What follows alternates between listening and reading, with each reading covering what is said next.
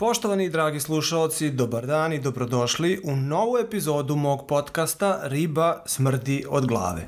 Danas pričamo o jednoj temi koja može da bude problematična za sve moje kolege. Naime, ja jako rado šaljem mailove u četir ujutro.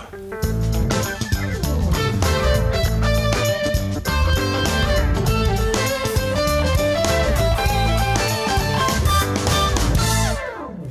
Da, dobro ste čuli, u 4 ujutro, 5 ujutro, 6 ujutro. U ta 2-3 sata ja pošaljem najmanje milion mailova.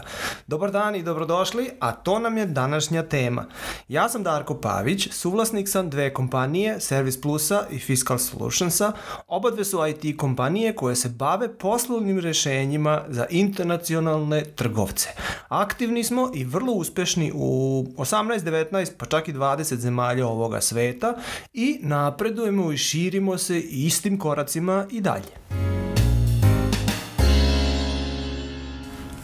priznajem, ja spadam u tu grupu direktora, vlasnika, pojma nemam, ljudi koji jako rano ustanu i već na početku dana, pre nego što u nekim delovima ovoga sveta uopšte izađe sunce, već odrade ko zna šta. To nije uvek dobro, posebno za kolege koji su involvirani na neki način. To stvara određenu vrstu pritiska. E, o toj temi, znači zašto ja to u principu radim, koje to posledice ima i šta ja očekujem, o tome želim danas malo da pričamo.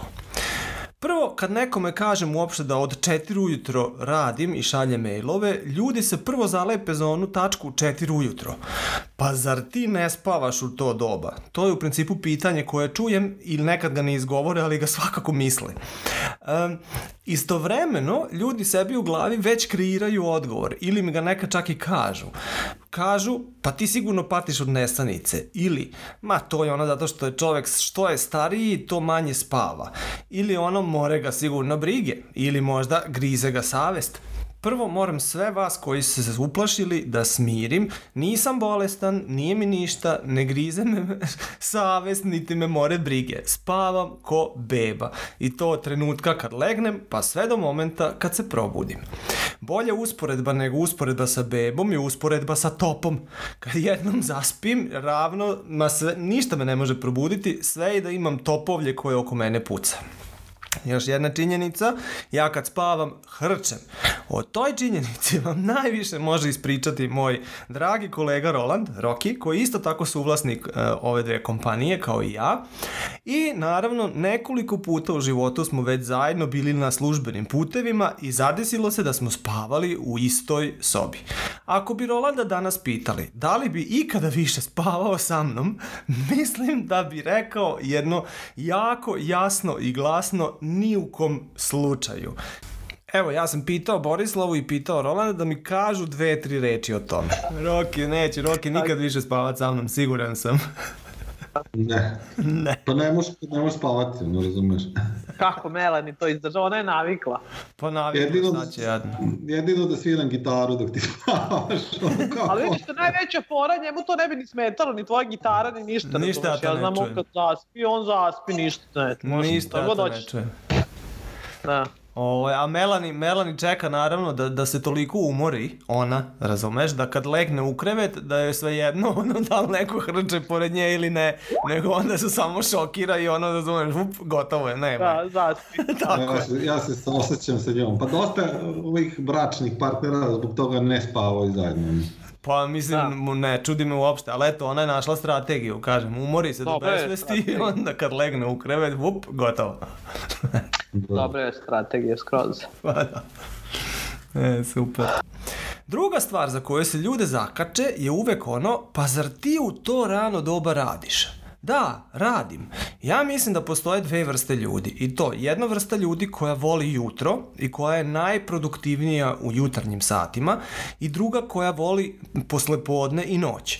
Ja sam jutarnji čovek. Za vreme mog studija recimo nikad nisam mogao da učim poslepodne ili uveče.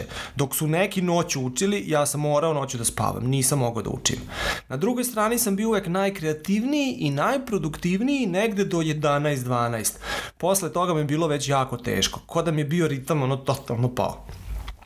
Iz tog razloga ja najrađe ustajem oko pola 4-4 i već uz prvu kafu, nakon što sam se možda informisao šta se događa u svetu, počinjem da radim.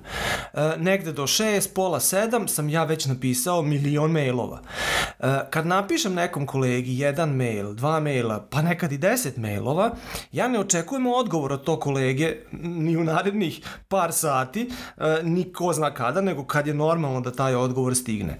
Znači, ne želim da stvorim pritis pritisak time što šaljem tako rano mailove, mada ga stvorim. Ja znam da ljudi i kad dobiju ujutro kad se probude i kad vide u mailboxu 10 mailova od mene i onda vide da su još napisani u, u 5 ujutro recimo, a oni su u to vreme spavali, onda misle ono, da li sad šef očekuje da ja u 5 i 15 već odgovorim, da li će se ona ljutiti ako ja nisam isto tako budan u 5, misliće možda da nisam vredan i tako dalje. Ne, ja to ništa ne mislim. Ja ne očekujem da mi se odgovori na taj mail odmah tekla nakon što sam ga napisao, nego u normalno doba kad to već ide po redu u smislu rada i zavisno zadatka.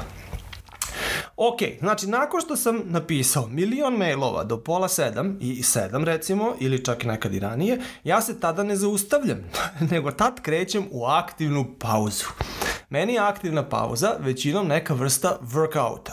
Često idem na trčanje, Ali za vreme trčanja ja nisam ko normalni ljudi koji slušaju muziku, podcast i nešto slično, odnosno puste mozak na pašu.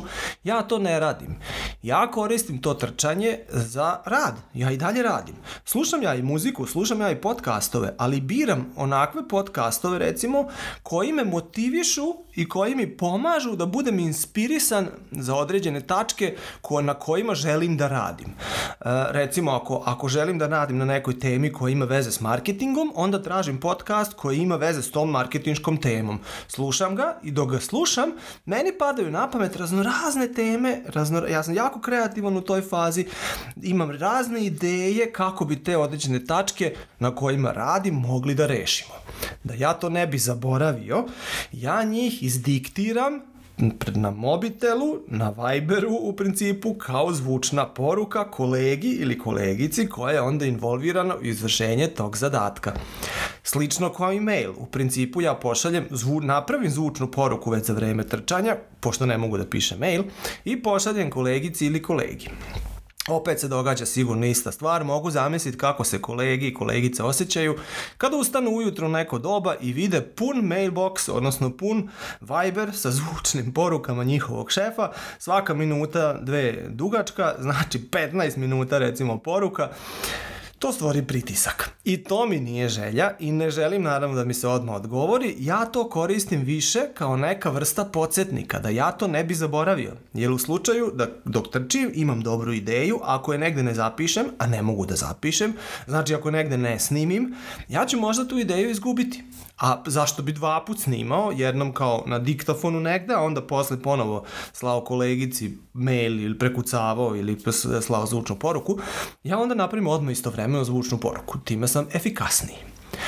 Uh, Moj rad je u principu intelektualne prirode i ja ne mogu svoj mozak da zaustavim. Znači, ja radim i kad ustanem, i kad pijem kafu, i kad idem na sport, i za vreme sporta, i za vreme ručka, i ko zna kada. Zašto? Zato što jednostavno to deo mene. Ja ne mogu sebi da kažem, e sad, sad hoću da radim u bašti i sad isključujem mozak. Ono, nemoj ti, dragi mozak, uopšte da razmišljaš, sad samo radiš baštu. Ja to ne mogu, ja sam kreativan, osjećam se kreativno i mozak mi je pušten da radi onako kako želi da radi. Ja ga ne obuzdavam. Mene u principu zaokupljavaju te teme zato što ih obožavam. Ja volim to što radim i ja volim da budem zaokupljen tim idejama i da mi je mozak u tim idejama, tako reći, da razmišlja o konceptima, poslovima, idejama i slično. I to uvek i bilo gde. I ja mislim da su svi ljudi slični što se toga tiče ako nađu i rade ono što vole i što ih ispunjava. Mislim da onda nema prekida, da nema zaustavljena mozgova, nego da je čovek stalno u tome zato što je to jednostavno ono što on istinski voli. Nadam se da ste vi našli ono što istinski volite, ako ne, Mogu samo da vam kažem, ne odustajete, tražite ga, zato što nema gore stvari neko radite nešto što ne volite, a na drugoj strani bi nešto drugo želeli, onda ste u stalnom emotivnom rascepu i to dovodi naravno do jako loših osjećaja, nezadovoljstava i tako dalje. Nadam se da ste uživali u ovoj e, epizodi mog podcasta. Bilo bi mi jako drago da se slušamo i čujemo i u sledećoj epizodi i želim vam sve najbolje. Lep pozdrav!